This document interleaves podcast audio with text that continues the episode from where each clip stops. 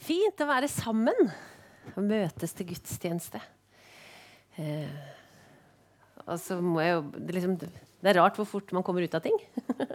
så det er litt sånn det, Jeg var litt ekstra spent til morgenen i dag. Siden dette gjorde jeg før, og da var det vanlig. Og nå har jeg plutselig slutta å være pastor i denne menigheten, og da var det litt mer Kjente jeg liksom måtte gå inn i noe. Og så tenkte jeg at når jeg nå hadde blitt spurt om å holde en tale, så kan jeg jo lage en liten hybrid da, av eh, det å vite noe om å være pastor og tale, og det jeg jobber med nå. Derfor så var det ganske sånn lett å finne ut Jeg sa til Toren at da har jeg lyst til å holde en tale om samlivet. Um, og eh, det er jo veldig forskjellig for oss. Å liksom høre at det er dagens tema. For noen så passer det veldig godt. For noen så er det jo sånn livet er. Du lever i et parforhold. Du er sammen med en person som du kanskje har vært sammen med veldig lenge, eller det har vært kort. Det vet ikke jeg. Så kan det være andre her som kjenner at liksom, Nei, skal du snakke om det temaet der? Og sånn er det òg. For noen er det det vi ikke har. For noen er det det som gikk i stykker. For noen er det det vi har mista. Og det vet vi. Og det vet jeg. Og selv om jeg liksom skal snakke om det fine og det langvarige, og, og, ikke skal snakke om å oppleve at det går i stykker, så håper jeg at du vet at det er også en del av det. Og det tror jeg også er noe vi trenger å snakke om fra talerstolene våre. Fordi det ofte har blitt satt lite språk på inn i de kristne sammenhengene. Og for folk som opplever skilsmisse, så sier jo mange at det, det blir nesten ekstra vanskelig å gå i kirka. Og det vil vi ikke at det skal være. Vi vil at vi skal være et fellesskap for mennesker til alle tider. Så la det være bakteppet i det jeg skal si. Det er, det er, mye mer i dette. Men i dag skal vi på en måte heie på det gode sammen. Og så eh, går vi faktisk vi, vi, begynner bare i begynnelsen av Bibelen. Så skal jeg starte med å si litt om på en måte ekteskapet og det, og, eh, det vi leser om da, fra Gamle Testamentet. Skal vi se noen sånne korte riss. Og så skal dere få litt sånne litt sånn hemmeligheter fra en terapeut. er det greit? Det er liksom planen i dag. Ja. Så får vi se om det, om det er greit etterpå. Ok, Vi trenger ikke å bla langt i Bibelen før vi kommer til noe av dette som handler om forholdet mellom mann og kvinne. I første Mosebok 2,24 så står det Kanskje det står på eh, veggen bak oss etter hvert òg? ja, eller det står i hvert fall skriftstedet. Der står det at derfor skal mannen forlate sin mor og sin far, eller sin far og sin mor, holde fast ved sin kvinne, og de to skal være én kropp. Dette var på en måte budet Gud ga menneskene. Og dette var også eh, på en måte slik som samfunnet ordna seg. Jeg liker ofte å ringe Halvard Haglia. For de av dere som er kjent i teologiske miljøer, så er jo han en klok mann. Jobber på Ansgar teologiske høgskole. Da måtte jeg ringe og liksom høre åssen var det der? Åssen så ekteskapet ut i Gamle Testamentet? Og det så jo forskjellig ut. bare for å ha sagt det. Men når dette her ble skrevet, så handla det faktisk om at to unge mennesker flytta ut av de teltene som de hadde vokst opp i. Leita etter en åpen plass på gresset eller i det området som de sin slekt Og kanskje, kanskje, måtte, kanskje en av de måtte bytte eh, på en måte innhegning. Eh, og plassere ned et nytt telt og det skulle være de sitt hjem, og der skulle de bo, og der skulle de starte sin nye enhet. Det var jo en periode, det var jo ikke kommuner og fylker og politikere og bystyr og Du kunne ikke holde ekstraordinært årsmøte. Det, samfunnet var jo ikke ordna sånn. Det var ordna med på en måte altså Den øverste mannen var en slags fader og bestemte over liksom, dette området. Eh, og så var den nye enheten det var den lille grunncella i et sånt system. Og da kunne de, De har jo funnet arkeologiske utgravninger av dette. Eh, og dette var jo kjempeviktig, fordi at da var du sikra vann, eh, ild, eh, beskyttelse fra rovdyr, beskyttelse fra fiender, kanskje, hvis ikke de var sterkere. Så dette var en måte som menneskene trengte å leve på. Og Ofte så kalte man disse plassene for, for navnet på liksom eh, eh, Faderen da, som bestemte eller som var mektig. Og det fins en utgravning på Søndeled som viser til at sånn har det vært i Norge òg. Den plassen heter Pauls plass. Og da var det altså Paul den store som var liksom sjefen over den gruppa. Så sånn har samfunn vært bygd opp gjennom tiden. Og når jeg hadde denne Hagelia på tråden, da, så sier han men du vet, Kristin, det er påfallende rart at i Bibelens, eh, en av Bibelens første blad så står det derfor skal mannen forlate sin far og mor. Dette var jo et patriarkalsk samfunn. Og det er slettes ikke naturlig å be mannen om å gjøre det. Og vi har jo ikke noen gode svar på det, sier han, men det er jo litt fascinerende å se at Gud alltid på en måte har regna med mannen og kvinnen som to sterke enheter, og som likeverdige, og som subjekter. For dette er skrevet i en tid hvor kvinnen ikke var et subjekt. Kvinnen var et objekt. Kvinnen blei flytta på. Så når hun ble gift, så var det mannen og pappaen som bestemte skal du nå være din nye mann sin eiendom, eller skal du være, fortsatt være pappaen din sin eiendom. Og Det gikk det an å ha forskjellige løsninger på. Og Det er veldig annerledes fra sånn som det er i dag i Norge. Men vi vet jo at ikke det har vært sånn til all tid. Og hvis vi på en måte skal bare lage sånn veldig enkelt riss, da, så kan vi, når vi leser om ektepakten i Bibelen, så kan vi tenke at den, eh, den har på en måte noen oppgaver. Det skulle føre slekta videre. Det skulle gjøre sånn at vi blei flere. Vi skulle befolke jorden. Det var jo kjempeviktig. Det har vi feira i dag at skjer. Så er det altså sånn at vi kan tenke at Gud visste at vi som mennesker trenger å ikke leve aleine. Så han lagde denne forordningen sånn at vi ikke skulle være så ensomme. Vi skulle få lov å tilhøre én. Vi skulle få lov å bli, bli, være to som blir ett, og dermed bli sterkere og mindre ensomme. Det var også der mennesker skulle leve ut sin seksualitet. Og så er det et viktig bilde fra Bibelen at ekteskapet viser oss også noe av relasjonen mellom Jesus og oss. Fordi at særlig Paulus sammenligner Jesus og hans kjærlighet til oss som en forelska mann som elsker sin kjære. Og så Hvis vi da liksom bare hopper langt fram Dere skjønner jo at dette ikke er dypdykk. Så er det sånn at I både Matteus og Markus så bruker Jesus de samme ordene som vi leste fra Det gamle testamentet. Derfor skal mannen forlate sin far og mor, holde seg til sin hustru, og de to skal være én kropp.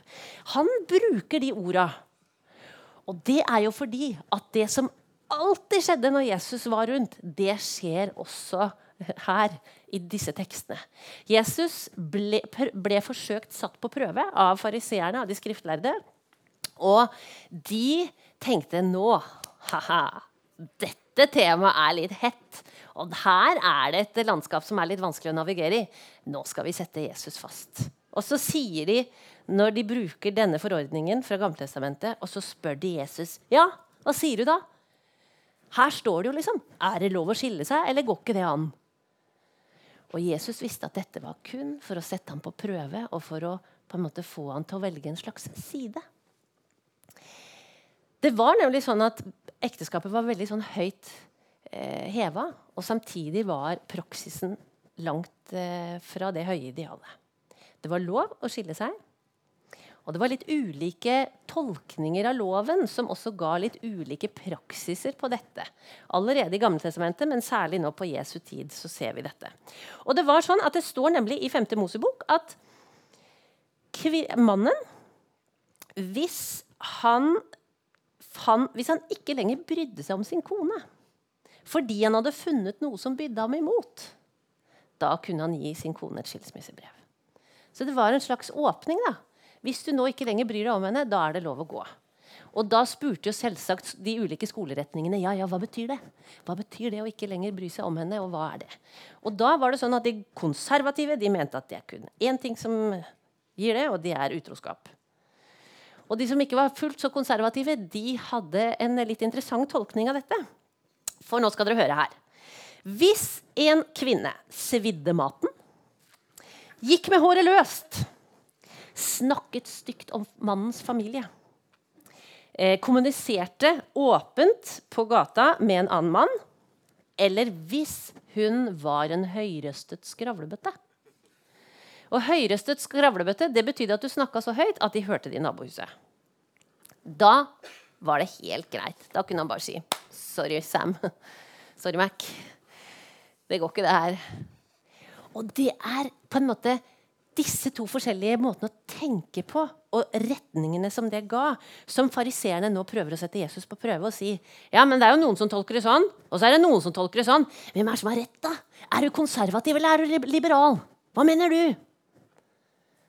Og da sier jo Jesus at ja, men det er jo ikke sånn. Det er jo ikke dette det handler om. Han snakker om at vi har fått harde hjerter.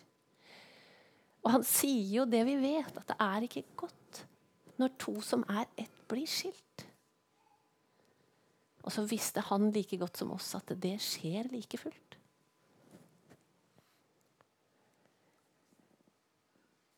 Paulus refererer også til de samme ordene i Efeserne.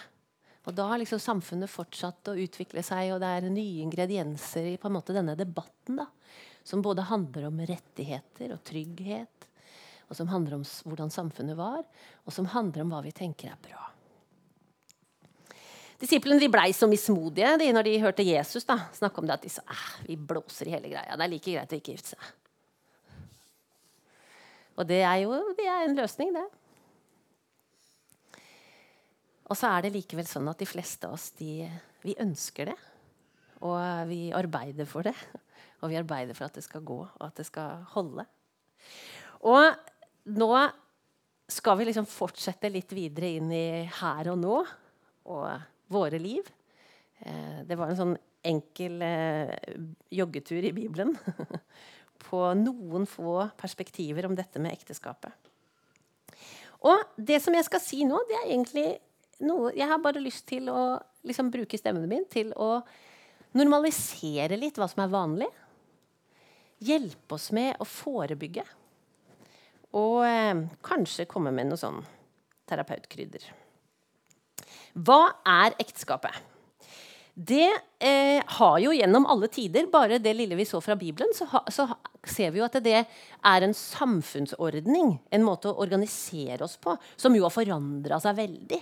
Det er jo ikke langt tilbake i Norges historie at odelsgutter gikk på besøk til nabogården, banka på døra og spurte ja, har du en pike til meg som kan komme og bli min kone.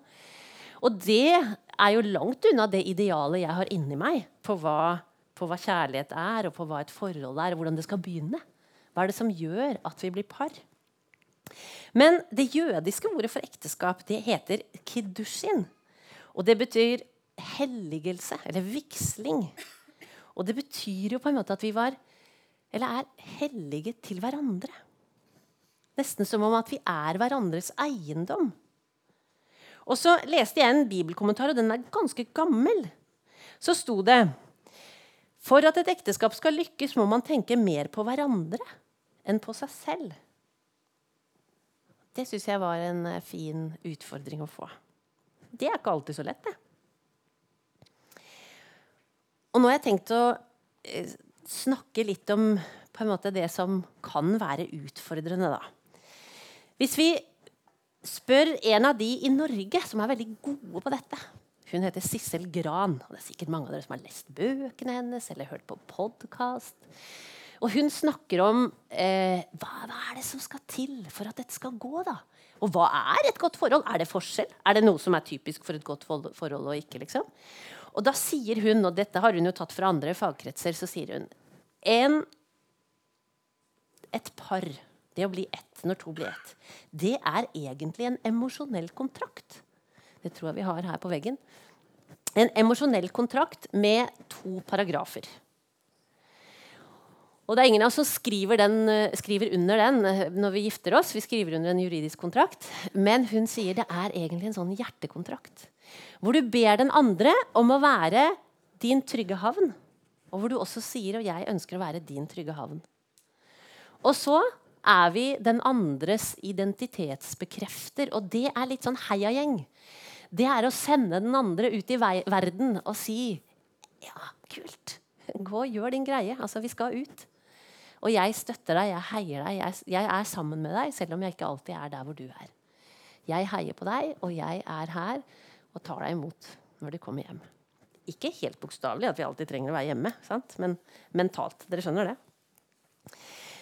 Dette handler om tilknytning. Sant? Og eh, sikkert mange av dere her eller noen, som har jobba med noe som heter COS, Circle of Security. Dette er egentlig liksom begrepet knytta til det. Og Sissel Gran sier at det er det vi trenger å være for hverandre. Og hun kaller det for å være hverandres livsvitne. Og det syns jeg er et vakkert ord. At vi er hverandres livsvitne. Vi har flere livsvitner. Og det er bra. Og så er denne ene kanskje på en helt unik måte vårt livsvitne. Og da sier jo både hun og parforskere og, og jeg nå da, i dag at en sånn parrelasjon det gjør oss sterkere, modigere, penere. Jeg kjenner igjen det, for jeg selv var forelska. Så husker jeg sa til noen av vennene mine at jeg kjenner at jeg har blitt sterkere. Jeg tror jeg tåler alt. Det blir på en måte ankeret i vår tilværelse. For det er et sted Vi har fått et sted hvor vi kan høre hjemme. Vi har fått et sted for å gi omsorg og få omsorg. Vi har fått et sted å leve ut seksualiteten vår. Eh, man mener også at det er stressreduserende. Det er på en måte å være i den, det stedet hvor jeg skal få lov å styrkes på veien ut i livet. Og da kan det hende noen av dere tenker ja, ja, ja, særlig. Du har ikke vært innafor våre fire vegger. Altså, Det er ikke så mye stressreduserende i det ekteskapet her. Og penere Jeg tror ikke jeg har blitt penere siden 80-tallet. Så eh, det der stemmer liksom ikke. Men eh, det kan stemme. Og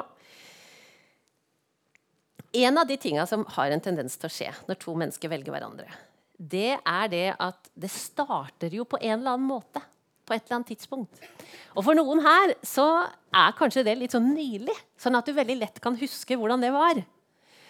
Og nå skal jeg prøve å ikke kikke på noen som noen føler seg støtt, men for noen er det jo en del år siden. Sånn at eh, det, den historien ligger kanskje litt lenger bak i hukommelsen din. Når jeg møter par som terapeut, så spør jeg alltid hvordan starta det? Hva var det som skjedde?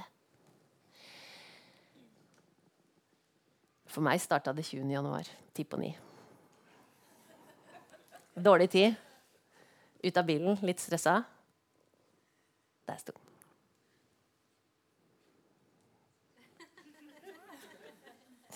Og så, Hvis man da er så heldig at eh, det begynner å skje noe, så har man jo gjerne en sånn kort eller lang periode da, som man dater eller flørter eller blir kjent eller kaster ut agn eller hva det nå heter. Og det vi mennesker har en tendens til å gjøre da, det er at vi selger oss ganske kraftig inn. For dette er jo en ganske skummel periode. Alt ligger jo åpent. Altså, det kan hende han ser meg og liker meg, men jeg skal, jeg skal virkelig by på det beste. Og i mitt tilfelle så bøyer jeg nok på litt mer enn det som eh, virkeligheten har vist seg å, å liksom stemme med. da. Jeg møtte jo da den 20. januar 2009 en veldig kjekk og sporty mann. Som kita, klatra, jogga, gikk på ski, padla. Og du vet, jeg kasta meg bare på. Jeg gjorde alt plutselig. Altså, Vårt første stevnemøte, som jeg tror er stevnemøte Han mener fortsatt at ikke det var en date. Da, da var jeg i våtdrakt. Jeg har alltid hatt komplekser for kroppen min. liksom, Og så Hei. Ikke så veldig sånn uh. Og så var det liksom Jeg kjøpte meg kite. Altså, jeg, jeg, skjønner jo ikke hva jeg skal med det. Jeg er jo redd for det som skjer når lufta drar. Og jeg har verdens minste sånn bitte liten overkite. Men, men sånn, jo, jeg sto på Hamresanden. Nei. Og en dag var jeg hjemme hos familien min, og så forteller jeg litt sånn gledesstrålende med blink i øyet at nå skal vi på tur, og vi skal sånn og sånn. Og sånn. Og så sitter broren min i sofaen, og så sier han ah, Du er liksom ikke ferdig med å imponere enda? Det var jeg ikke. Han har jo skjønt det etter hvert, da. Men uh, det er jo noe av det som kan skje i begynnelsen av et forhold. At vi, vi, liksom, vi byr på mer enn det som hverdagen kanskje kommer til å uh, være prega av. da. Um, og så er det for mange sånn at når, når den virkeligheten slår inn, da tenker vi Hæ? Har jeg valgt feil? Skulle, skulle det ikke være gøy? Dette, dette, er jo ikke sånn. Nå kribler det ikke i magen lenger. Jeg snakka med noen i forkant av denne talen som har gått i en ekteskapsgruppe i 18 år. Og så sa jeg Kan ikke dere si hva Dette er helt sånn gjennomsnittlige mennesker som vi alle kan kjenne oss igjen i. Og så spurte jeg en av de som går der, hva, hva er det dere kan si nå etter 18 år? Og da sa hun jeg snakka med, alle har hatt ulike perioder. Noen mer enn andre. Men det er ikke ett av disse para som ikke kan si åh, det kom noen dager, måneder, år som var utrolig vanskelige. Og det handla om helt forskjellige ting. For det er sykdom, økonomi, og det er i relasjonen, og det er barna du får, eller barna du ikke får. Men virkeligheten var at når de nå hadde vært også en sånn slags gruppe som var livsvitner for hverandre, så visste de det at det kommer vanskelige dager. Det er helt vanlig. Og det er jo òg en av de tinga vi må si. At det er ganske vanlig at det òg blir litt kjipt. Og da tror jeg på kraften i det å forebygge som terapeut så ser vi ofte at folk kommer veldig seint og, og, søker hjelp. Og det tenker jeg at det er en av de tingene vi kan gjøre lettere. det er at Vi kan bare snakke med hverandre om at ja, vi har ikke alltid hatt det så bra. Ja, vi fikk hjelp en gang vi snakka med noen, eller er litt sur i dag. Vi viser jo ofte blidsida til hverandre. Det er mange temaer som kan gjøre samlivet vanskelig. Og så skal vi gå tilbake til Bibelen, fordi at det står nok en dyp eh, livsvisdom i Gud, den forordningen Gud ga i det første verset. Derfor skal mannen forlate sin far og sin mor. Fordi det handler om at vi skal gå fra noe og starte noe nytt.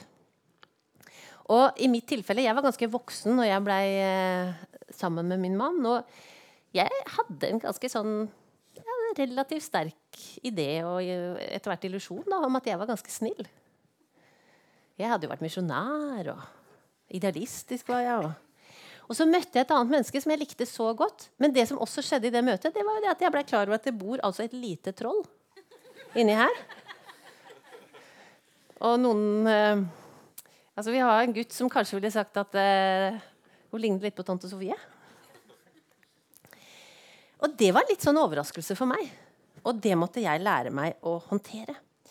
Og så skjønte jeg det at eh, vi har jo med oss mer hjemmefra enn bare et etternavn og på en måte sosial status.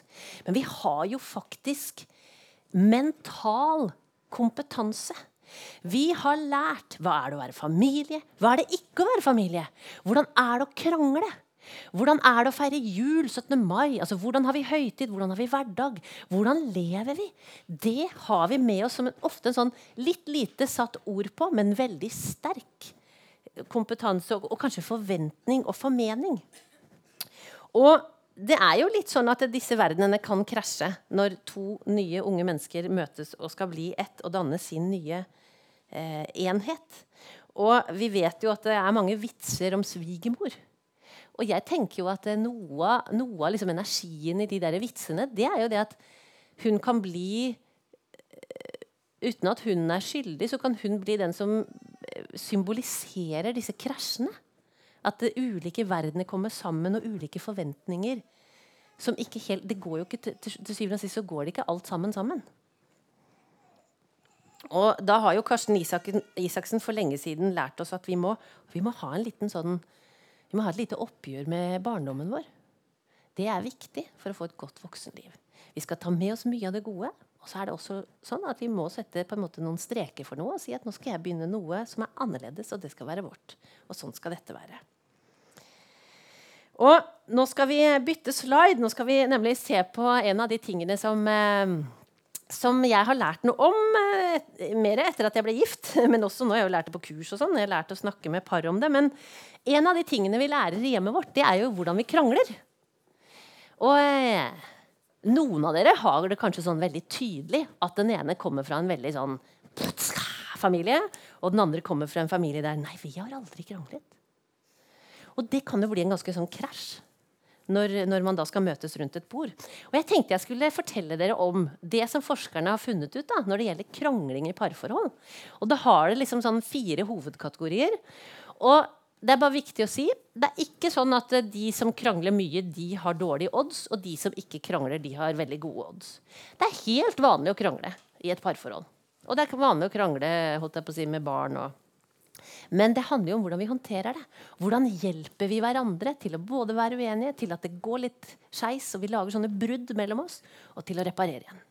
Og det PREP, som er et, et, et um, samlivskurs, har funnet ut i forskning, det er det at eh, vi har faktisk disse liksom, fire typer kategoriene da, som vi liksom gjerne bruker. Jeg tenkte jeg skulle gi dere et lite eksempel. Jeg syns den der reklamen om ost er helt fantastisk. Har dere sett den? Ost er ikke bare ost. Du kommer jo ikke hjem uten ost. Og hvis vi ser for oss den, den scenen, da i disse fire stilene her, så er det sånn at de som lettest tyr til dette vi kaller opptrapping, det er Nå, må dere, unnskyld, nå våkner dere som sover. nå har jeg advart dere. Det er liksom de som Hun kommer hjem fra, eh, fra butikken, kommer med posen, glemte å kjøpe ost. Har du ikke kjøpt ost? Har du ikke kjøpt ost? Hæ?! Må kjøpe ost! Jeg orker ikke mer! Dette går ikke an! altså er det jo veldig sjelden at vi hyler så for en ost. Men det er ikke så sjelden at noen mennesker Det er akkurat som de har en sånn trapp. Og så går man bare oppover, og så plutselig så står man på toppen av en trapp, mental trapp, og så roper man 'Jeg orker ikke dette samlivet lenger! Det går ikke!' Og det er opptrapping, kalles det for. Og veldig mange som kjenner seg igjen i det, vil si da at 'jeg mener jo ikke det jeg sier på toppen'. Du må ikke tro på det. Det er bare så sint jeg er. Og så er det en, eh, den andre varianten da, som, som, handler om tilbaketrekning. Den er ikke så morsom å dramatisere, men eh, dere har helt sikkert opplevd den. Det samme skjer. Kommer hjem, osten er ikke med. Og da er det som å sette en osteklokke over den kroppen og det, på en måte, den tilstedeværelsen.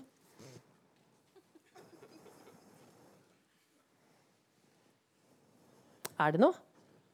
Nei. Og noen går jo fysisk.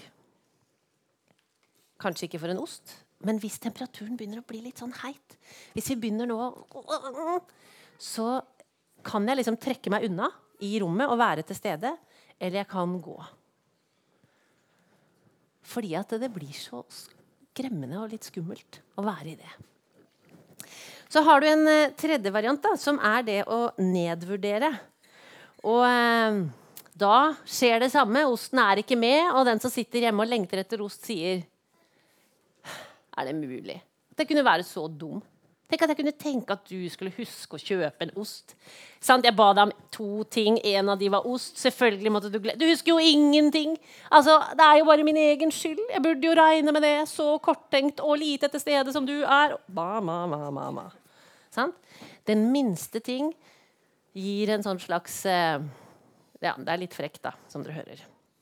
Eller så har du den som jeg elsker. Kjøpte du ikke ost? Glemte du osten? Jeg visste det! Du bryr deg ikke noe om meg! Jeg er ikke viktig for deg i det hele tatt! Jeg har følt det siden dag tre, og nå har du bevist det nok en gang! Jeg betyr ingenting for deg!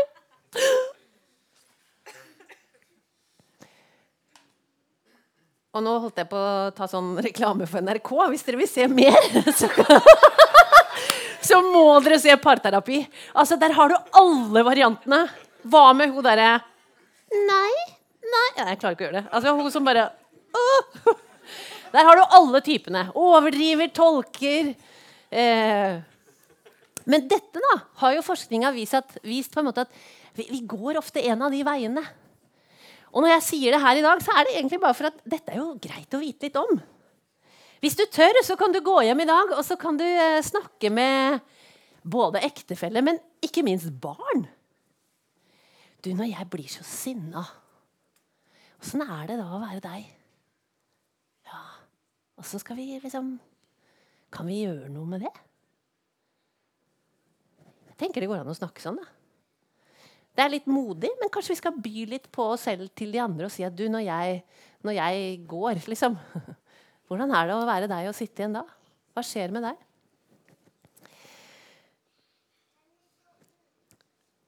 Og hvis ikke du vet helt hva du gjør, så kan du i hvert fall spørre barna dine. Eller noen andre som lever nær deg. Eh, hva er det som pleier å skje? så kan du høre hva du får til svar. Og så jeg, tenkte jeg skulle bare gi dere en sånn liten ting til. Nå, det er det siste jeg skal si før jeg skal gå inn for en landing. Men det er det at det, i tillegg til at vi har litt ulike måter å krangle på, så har vi også litt ulike måter å stå i emosjonelt stress. Eh, vi, vi, reagerer på en måte forskjellig. Og da eh, Du kan ta en sånn sliden etterpå. Så er det samme Sissel Gran. da, Dere skjønner jo at jeg er litt fan av henne. Hun sier også at eh, vi vi har en tendens til å liksom gå litt ulike veier inni oss når det blir stresset og opprørt hav rundt oss. Og da er bildet anker, øy og bølge. Og altså, Stresset, hvis det er stormen da, som kommer, og det kommer jo ulike stormer, så vil de som kjenner som Mange mennesker som er trygge og som tenker på en måte, vi har vært ute i stormen før det går bra, de ligger rolig og tar det imot og står eller ligger trygt i stormen. Det gjelder for mange av oss. Og det er en god ting. Da, da, er det ikke så farlig, selv om det stormer litt. Så er det noen som får det litt sånn at hvis det begynner å storme rundt meg, da blir det så opprørt hav inni meg, og det eneste jeg klarer da, det er på en måte når de sammenligner det som en bølge, så er det litt sånn jeg må bare få tak, altså Du må bare respondere på meg. Snakk til meg. Og da blir man litt sånn outgoing. ikke sant? Vi krangler, men jeg, jeg å, vi må løse det. Kom igjen, er her. Og så er det noen som har helt den motsatte veien. Og det er at hvis det blir såpass mye stress, da trekker jeg meg helt inn i meg selv. For da kjenner jeg at jeg må bare ta vare på meg sjøl. Ingen passer på meg. Jeg må fikse meg selv. Dette, sånn Dypt handler jo dette om tilknytningsstil. Hva er det vi har lært? Har vi lært at det var trygge voksne rundt oss som tok oss imot når vi var sinte og glade? eller har vi lært at de bare gjorde det av og til? Derfor så maste jeg. sant? For kanskje er det noen der. Eller har vi lært at det var ingen som tok vare på meg? Så når livet blir stress, da får jeg ta vare på meg selv. Det som kan være godt å vite om dette, det er det at hvis, hvis eh, dere som er et par, er litt øy og litt bølge, så kan man aktivere hverandres stressreaksjon. Og det kan jo være litt slitsomt. En gang hadde jeg et samlivskurs, og så fortalte jeg dette, og så begynte de bare å le. Og jeg tenker sånn, Det er ikke så naturlig punkt å le på, egentlig. Men da det ble pause, så kom det to stykker fram, så sier de vi måtte bare le. Du skjønner det? At kona mi hun er en øy langt ute i Stillehavet. Og jeg er en tsunami, sa han. Så det var ikke bare sånn at de kjente seg igjen, men alle vennene de sine kjente seg igjen Også. For sant, da ringte hun rundt, og 'kan dere snakke med han?' Og nå, nei, motsatt han. Ja, sant, altså det var, sant, Man aktiverer helt motsatt bevegelse. Og det kan være ganske sånn stressende. Og da er det noe som er viktig, kjære venner. Og det er et av de orda jeg har blitt skikkelig glad i som voksen. som jeg har lært. Og det heter å mentalisere. Jeg lurer på om det står på en slide òg. Der står det, vet du. Å mentalisere. Og det er jo en av må liksom noe av det viktige som vi kan hjelpe hverandre da, i dette livet på. Hvis jeg kan øve på å forstå hvordan verden er for deg, inni deg og du kan øve på å forstå hvordan verden er inni meg. Å forstå den andre innenfra og seg selv utenfra. Å skjelne mellom indre og ytre sannhet. Det er en utrolig viktig skritt på veien til å tåle mer å leve sammen. Mennesker har alltid vært forskjellige. Vi kommer til å være det. Det å holde sammen i gode og onde dager har alltid vært også veldig vanskelig. I alle samfunn til alle tider. Det er ikke sånn at ikke de skilte seg før, og nå skiller vi oss. Det, det, har alltid vært vanskelig. Men det finnes måter som vi kan hjelpe hverandre til å tåle oss selv bedre. Å bli kjent med seg selv og den andre er jo et viktig steg på denne veien. Hvordan slutter man liksom en sånn tale? da? Terapitale? Jeg tenker jo at Gud er midt i dette. Han er midt i livene våre. Han vil være en del av alt. Han kjenner oss. Og så er det en kjent eh, kristen eh, forfatter som har sagt å være elsket uten å være kjent, det er ganske overfladisk. Å være kjent, men ikke elsket, det er kanskje menneskets største frykt.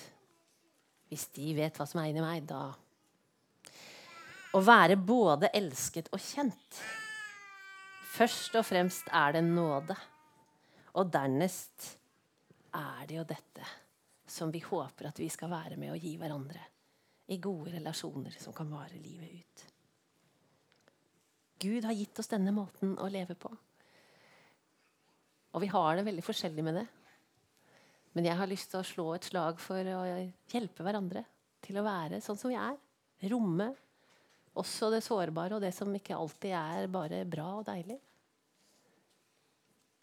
Og hjelpe hverandre når vi trenger det. Støtte hverandre. Ja. Nå tror jeg noen har gått og henta barna. Kan det stemme? Ja. Da ber jeg bare en liten bønn. Jesus, takk at du er både i det rommet her, og du er jo i hverdagene våre. Og du vet hvordan stemninga er rundt våre middagsbord, og på morgenen og på kveldene. Og du kjenner eh, vårt indre. Og så vet du at det er så mye som er bra, og det er mye som eh, vi kan takke deg for av gode gaver du har gitt oss. Takk for ektefeller og barn og familie, og takk for foreldre du har gitt oss, og takk for livet vi får lov å stå midt oppi. Og så ser du også at det er relasjoner som vi har i våre liv som kan være krevende og vanskelige. Som vi ikke får til. Gode Hellige Ånd, jeg ber om at du skal eh, hjelpe oss, styrke oss, trøste oss og gi oss forstand til å forstå det vi ikke forstår. Jeg har lyst til å be for uka som ligger foran oss, at du skal gi oss små glimt av ditt nærvær. Takk at du aldri slipper oss, og takk at du alltid vil oss vel. Amen.